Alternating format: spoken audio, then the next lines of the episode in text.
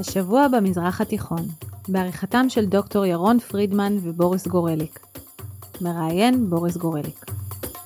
השבוע במזרח התיכון, שלום לכם, אני בוריס, והיום אנחנו נדבר על שחקן מזרח תיכוני חשוב מאוד, שעד לא מזמן לא הייתי מודע בכלל לחשיבותו כשחקן במזרח התיכון. זאת מדינה שפועלת במחשכים ובערפל, ותכף נדבר גם על המונח הזה, ואני מדבר על גרמניה, ועל זה אני הולך לדבר עם אלדד בק, שהוא מזרחן, עיתונאי וסופר. במשך 20 שנה הוא גר בגרמניה, והספר שלו הרביעי יצא לאור לא מזמן, שנקרא אלטרנטיבה, ימין חדש בגרמניה. שלום לך אלדד. שלום שלום. אז uh, הזכרנו את גרמניה, הזכרנו את המחשכים והערפל, תכף אתה, אתה תרחיב uh, דיבור על המושג הזה, אבל באמת גרמניה שחקן מרכזי במזרח התיכון? תראה, קודם כל, המזרח התיכון הגיע לגרמניה בשנים האחרונות. ואם גרמניה תרצה או לא תרצה, יהיו לזה השלכות אה, מאוד משמעותיות גם על הפוליטיקה הפנימית וגם על המעורבות הגרמנית אה, בענייני המזרח התיכון. אה, גרמניה... למה בדיוק אתה מתכוון? המהגרים המזרח תיכונים שהגיעו לגרמניה או, או פוליטיקה מזרח תיכונית שמשפיעה עליה? או גם וגם? מדבר על, על המספרים המאוד משמעותיים של uh, מהגרים ופליטים שהגיעו לגרמניה ב... פחות או יותר בעשור האחרון, כי אנחנו צריכים לזכור שמשבר הפליטים אה, לא התחיל ב-2015, אלא השיא שלו היה ב-2015-2016, הוא התחיל הרבה לפני כן, ואנחנו בפירוש עדים להתחזקות מאוד משמעותית של האוכלוסייה הערבית בעיקר, אבל גם המוסלמית אה, בגרמניה. אנחנו אה, היינו במספרים עד לשיא המשבר ב-2015. היינו פחות או יותר עם מספרים של קרוב לארבעה עד חמישה מיליון אה, מוסלמים כאן בגרמניה. מאז נוספו לפחות כ... שני מיליון אה, נוספים, כלומר שאנחנו אה, מדברים על מצב אה, של קרוב לשישה, שבעה מיליון מוסלמים שגרים בגרמניה, עם הילודה המאוד גבוהה שקיימת בקרב קבוצות האוכלוסייה, אז האלו, אנחנו עלולים להגיע למצב שבו בגרמניה בקרוב עשירית מהאוכלוסייה תהיה אה, ערבית מוסלמית או ערבית ומוסלמית, והמספרים הללו רק ילכו ויצמחו עם הזמן. אבל למה זה, למה גדילת האוכלוסייה הערבית גורמת לגרמניה להיות מעורבת במזרח התיכון, מחוצה לה, לגבולות שלה? מה, מה בעצם, למה זה driving force? אמ, זה, זה קשור לעצם העובדה שגרמניה בסופו של דבר מהרגע שבו היא הופכת להיות אה, לרייך מאוחד אה, בסוף המאה ה-19, אה, מגלה עניין מאוד מאוד גדול במזרח התיכון. אה, והייתה למעשה בעלת אה, נוכחות אה, די עקבית במזרח התיכון לכל אורך עשרות השנים מאז. מאחר וה... גרמנים חיפשו מקומות שבהם הם יכלו להרחיב את השליטה אה, ואת אה, מרחב ההשפעה הכלכלי שלהם, הם הסתכלו על אזורים אה, קרובים וראו שהמזרח התיכון הוא אזור שבו די כדאי להם להרחיב את הנוכחות ואת ההשפעה שלהם. זה התחיל מברית מאוד הדוקה עם האימפריה העות'מאנית, בשנותיה האחרונות, אבל אה, הלך והתפתח לאחר מכן אה, גם למקומות אחרים. לגרמניה יש פחות או יותר מאותה תקופה גם קרבה מאוד מאוד גדולה לאיראן.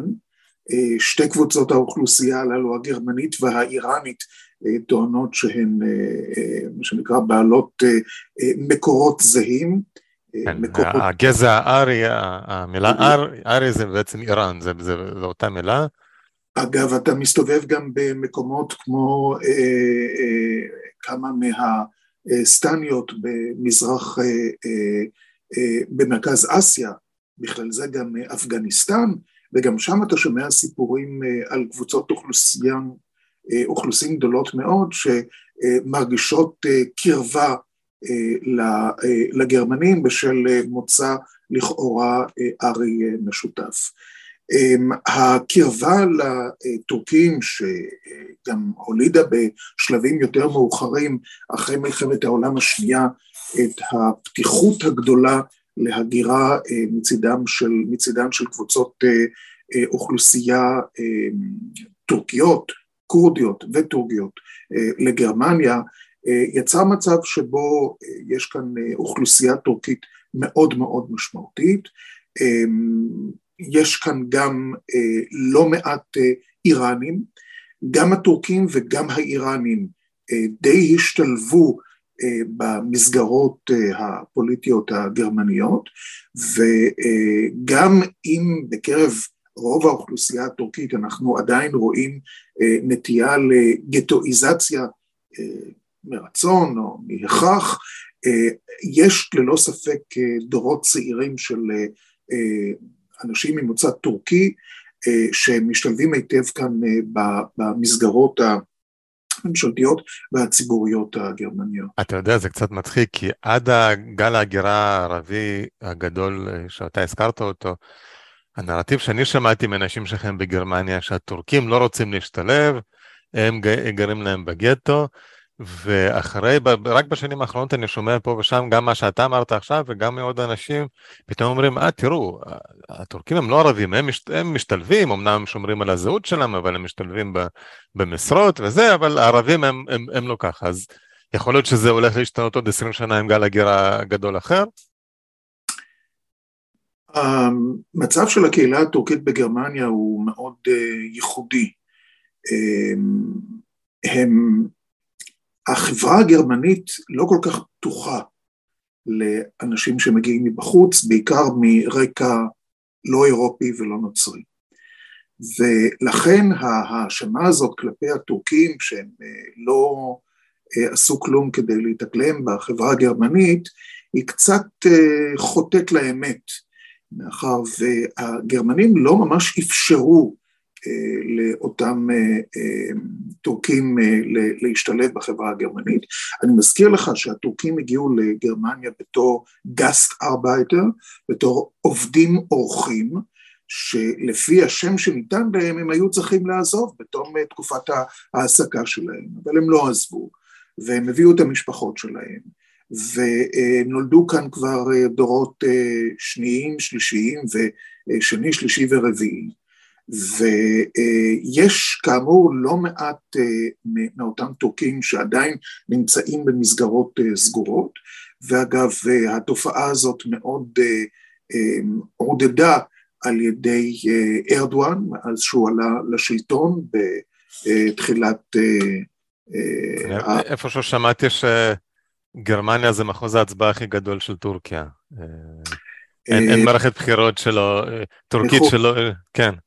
מחוץ לטורקיה, אבל אה. בפירוש ארדואן עשה כאן אה, אה, תרגיל מאוד משמעותי של, הוא, הוא זיהה את הבעייתיות הזאת של חוסר היכולת להשתלב בחברה הגרמנית ושיחק על זה בצורה מאוד מאוד חזקה. זאת אומרת שהוא עודד בו זמנית בקרב הקהילות הטורקיות גם את התחושה הלאומנית וגם את, ה, את הקרבה מחדש לאסלאם. ולכן אנחנו רואים בקרב הקהילות הללו את העירוב המסוכן שהוא יצא גם אה, בטורקיה של אה, לאומנות וקיצוניות דתית שללא ספק ממלאות תפקיד, שילוב שממלא תפקיד די משמעותי מבחינת חוסר הרצון של לא מעט טורקים כאן להיקלט בחברה הגרמנית. אז בוא, בוא נדבר טיפה על הדואליות הזאת, אה, של מצד אחד אה, גרמנים דוגלים בליברליות והכלה ורב תרבותיות וכל המילים היפות והאופנתיות שיש, מצד שני, אה, בכל הקשור למזרח התיכון ולמה שקורה כאן, אז יש להם לפעמים ביקורת קשה מאוד ועזה מאוד כלפי ישראל, ומצד שני ביקורת כמעט ולא נשמעת כלפי משטרים רצחניים כמו המשטר של חמאס בעזה, וכל מה שקורה מסביב. זאת, הדואל, זאת אותה הדואליות שלא מאפשרת לטורקים להיקלט בתוך גרמניה? זה ה... המעורבות אה, הגרמנית בנושא שלנו אה, למעשה מתחילה מאמצע המאה ה-19, כשמסיבות אה, דתיות מתחילה סוג של קולוניזציה גרמנית בשטחי ארץ ישראל. ואני אה, מתייחס לאותן אה, מושבות אה, גרמניות שקיימות, שהיו קיימות בירושלים, בתל אביב, בחיפה, בגליל ובמקומות אחרים. יש את בית לחם הגלילית, שהיה שם סניף, סניף ארץ ישראל של המפלגה הנאצית. בדיוק. אנחנו אבל מדברים עוד על תקופה, לפחות על מאה שנה. קצת קודם. אבל הנוכחות הזאת היא ללא ספק ביטאה רצון של הגרמנים אה, להשיג כאן אחיזה אה, בארץ ישראל, אה, והיא הלכה והעמיקה לאחר עליית המשטר הנאצי, כשהגרמנים מחזקים את הפעילות שלהם למען ערעור האימפריה הבריטית. חשוב אה, לציין בהקשר הזה, שלמעשה מי שמאוד אה, קידם את רעיון הג'יהאד העולמי אה, היו הגרמנים בתקופת מלחמת העולם הראשונה, כשהם למעשה הקימו כאן בברלין משרד שהיה אחראי להפצת רעיונות הג'יהאד נגד האימפריה אה, הבריטית ונגד הנוכחות הצרפתית, אה, בעיקר אה, בצפון אפריקה. והם לא פחדו שזה יחזור אליהם כבומרנג? כי בכל זאת לא ג'אדו חשבו... נגד הכופרים. הם חשבו שניתן יהיה לשלוט בזה, כי באותה, באותם ימים הערכה כלפי העולם הערבי והאסלאמי הייתה די נמוכה במדינות המערב הקולוניאליסטיות, ולכן הם חשבו שהם יוכלו אה, להפיץ את האש הזאת מבלי אה, להיכבות ממנה אה, בעצמם. והם משחקים את התרגיל הזה גם בתקופת מלחמת העולם השנייה, או יותר נכון, זה התחיל קודם למלחמת העולם השנייה, כשהם מנסים לערער את האחיזה הבריטית ברחבי המזרח התיכון, עם פוש מאוד רציני כשמתחילה המלחמה, אני מזכיר לך את האירועים שהיו אה, בעיראק, התמיכה הנאצית אה, בניסיון הפוטש שהיה שם בשנת 1941, הקשרים המאוד מאוד טובים שהיו בין אה, מפלגת השלטון הנאצית לבין לאומנים במצרים, ביניהם אה, ידידנו אה, אנואר סאדאת, לבין, אה, גם לבין האחים המוסלמים, וההשפעה האידיאולוגית המאוד גדולה שהייתה למפלגה הנאצית על תנועות לאומיות ברחבי המזרח התיכון, אם זה מפלגת הבאס בסוריה ובעיראק יותר מאוחר, ואם זה מפלגה כמו מפלגת הפלנגות הנוצריות בלבנון. זאת אומרת שהייתה כאן אה, מצד אחד גם, היה כאן גם רצון של הגרמנים להגביר את אה, ההשפעה שלהם וגם נהייה של גורמים בעולם הערבי אה, לקבל את ההשפעה הזאת מתוך תפיסה של אויבו של אויבי הוא ידידי. אני לא בטוח שהם הבינו עד עומקה את, הדיאולוג, את האידיאולוגיה הגזענית הנאצית, ואת המקום שהם אה, ייחדו לערבים ולמוסלמים אה, בעולם אה, שיהיה תחת השפעה נאצית, אבל בתקופה ההיא היה לשני הצדדים אינטרס מאוד מאוד גדול לשתף פעולה, וזה בא לידי ביטוי בצורה מאוד ברורה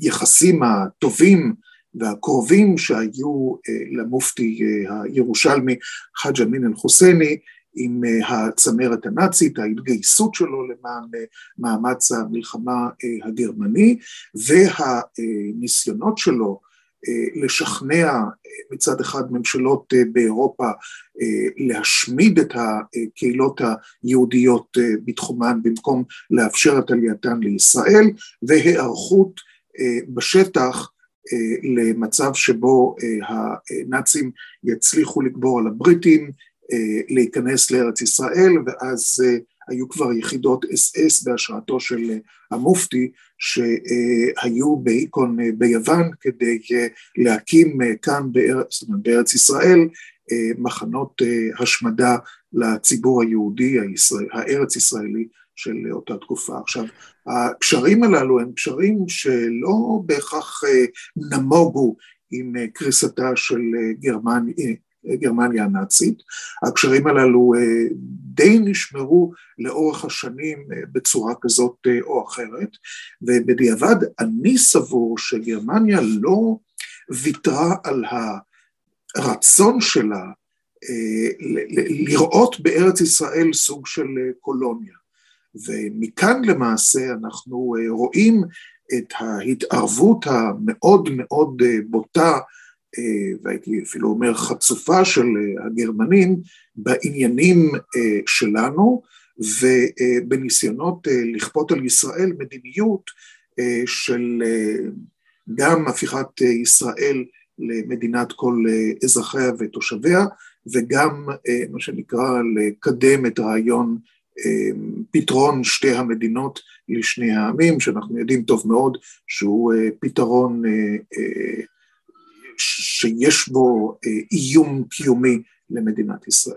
כן, עכשיו יש לי פה שתי שאלות, אז בואו בוא נפצל את הדיון. אז נתחיל מהשאלה הראשונה.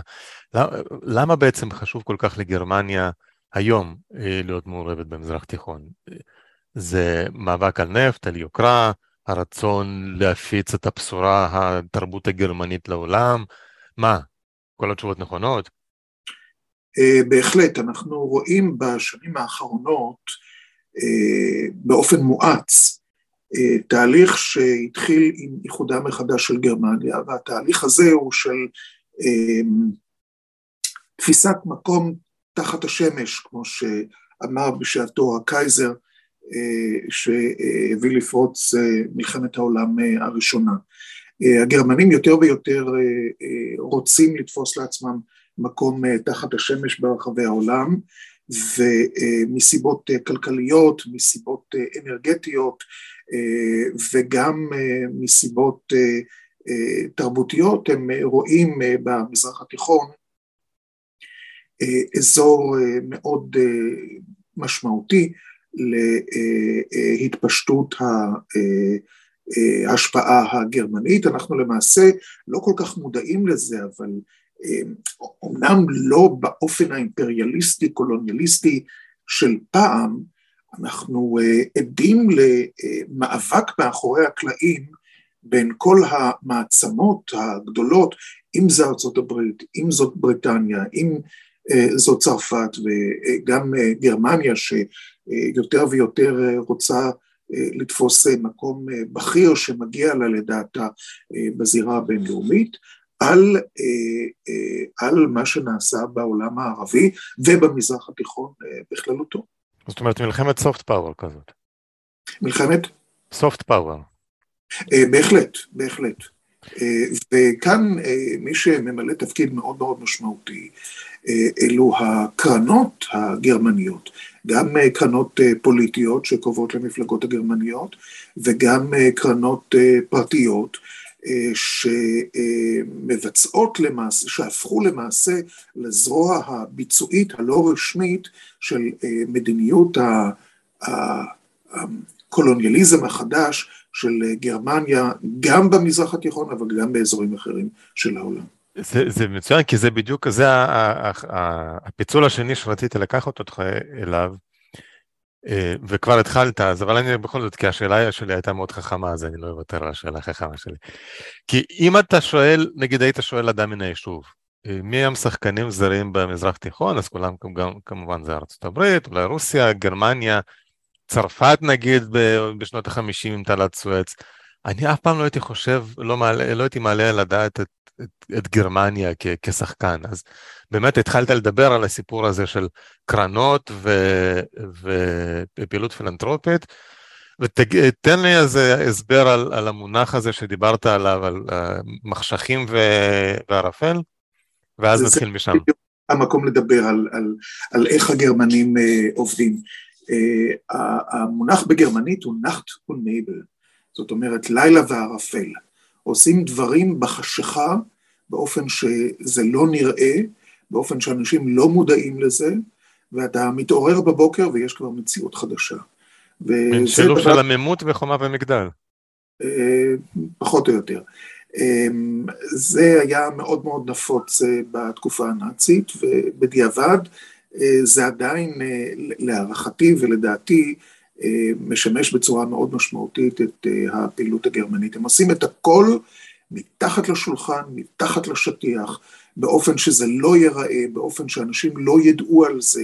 לקח הרבה מאוד זמן עד שסוף סוף אה, בימים אלו אה, אה, התחילו בכלל להיות מודעים לפעילות החתרנית של הקרנות הפוליטיות הגרמניות שמאוד פעילות בארץ וגם לממדי התמיכה או ההשקעות הכספיות של גרמניה בעיצוב אה, פניה של ישראל ופניו של הסכסוך הערבי-ישראלי. אה, אני, אה, לדוגמה, הנושא הזה של, כשאתה מנסה לברר כמה כספים הגרמנים באמת משקיעים, לדוגמה,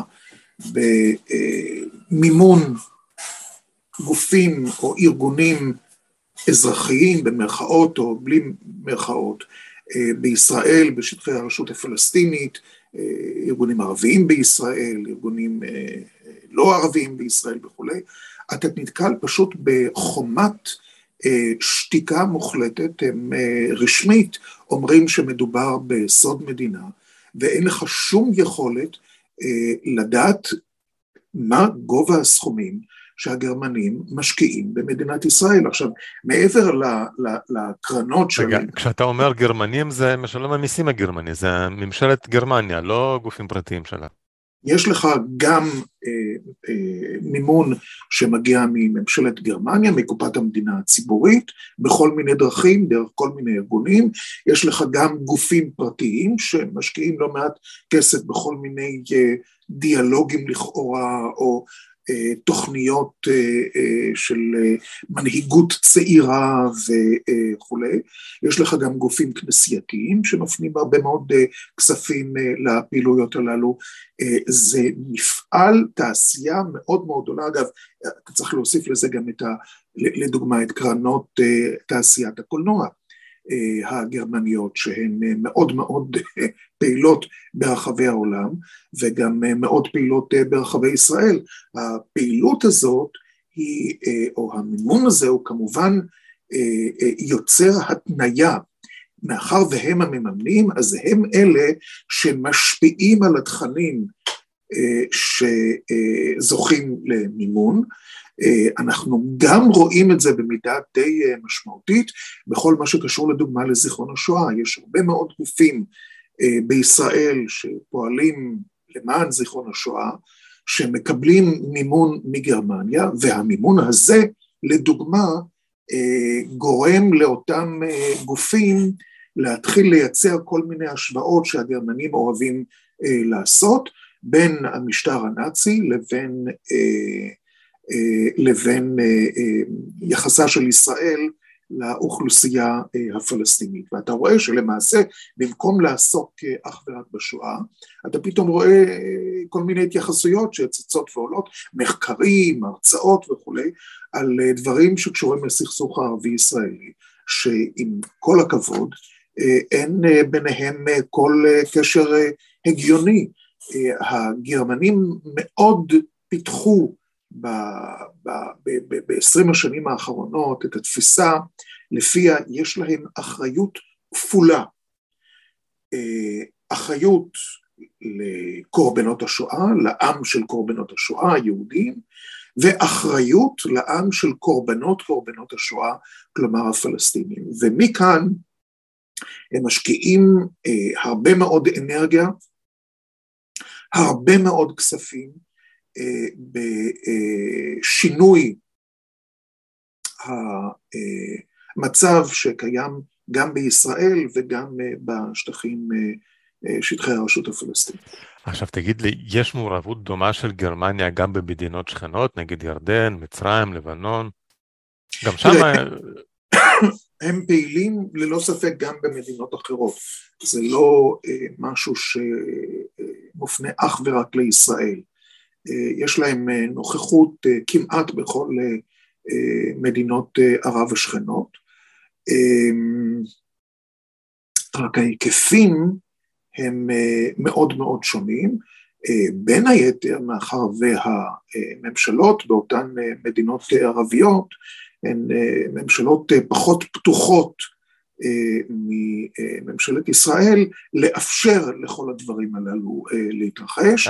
אז לכן... היא הנותנת, מדינה שהיא פחות ליברלית ודמוקרטית, אולי שם כדאי לעבוד ולעזור להם להקים משטר דמוקרטי. זה, היה, זה, זה מה שאומר ההיגיון, זה מה שאומר ההיגיון. הם עושים את זה, מנסים לעשות את זה יותר נכון, במצרים היו להם בעיות לא מעטות, באלג'יריה אם אני לא טועה, הם גם פעילים באיראן בהתאם למגבלות שמוטלות עליהם, בלבנון יש להם פעילות, בירדן יש להם פעילות, כמובן שבשטחים, שטחי הרשות הפלסטינית, אבל עוד פעם, זה לא מגיע לממדים ש, של הפעילות הגרמנית בישראל, ולעיתים מאוד מאוד קרובות כשהם, כמו לדוגמה בתקופת האביב הערבי, כשנראה היה שגרמניה פועלת בצורה די משמעותית כדי לתמוך בכוחות, ה... בכוחות השינוי, אז ברגע שהגלגל הסתובב, ממשלת האחים או נשיאות האחים המוסלמים הודחה והצבא חזר לשלוט, באופן מיידי צומצם מרחב הפעילות של הגופים הגרמניים בצורה מאוד מאוד משמעותית. מעניין. טוב, תשמע, הזמן שלנו נגמר. עבר מהר. כן, כן. קיבלתי הערה ממאזין שאנחנו, אני מארח פה מומחים אה, שמביאים המון ידע ואף פעם אין לזה רשימת קריאה. אז בוא ת, תתחיל אתה את המסורת. אם מישהו רוצה קצת להתעניין יותר ב, ב, במעורבות הגרמנית במזרח תיכון, מה, מה כדאי לו לקרוא? תראה, אה, קודם כל זה הספר שאני עוד לא כתבתי. אבל... ספרו אה, הבא של אלדד בק. אני בפירוש מציע לקרוא את אה, שלושת ספריי על גרמניה, שעוסקים גם בנושא הזה. הספר הראשון גרמניה פסיק אחרת, הספר השני הקנצלרית, מרקל, ישראל והיהודים, כאן אני מתייחס באופן מאוד מאוד פרטני לסוגיית היחסים של מזרח גרמניה עם העולם הערבי, סוגיה שחשוב מאוד להתייחס אליה, כי מזרח גרמניה למעשה עד ימיה האחרונים הייתה בעלת עמדה מאוד מאוד עוינת כלפי ישראל ומאוד מאוד תומכת בפלסטינים. והספר האחרון, אלטרנטיבה, ימין חדש לגרמניה, עם סימן שאלה בסוף, אלו ספרים שגם עוסקים בנקודה הזאת. אני לא מכיר ספרות שהיא לא ספרות אקדמית עברית שמטפלת בנושאים הללו, כאמור, אני מאוד מקווה שיבוא בקרוב היום ואני אכתוב את הספר הספציפי על הנושא הזה.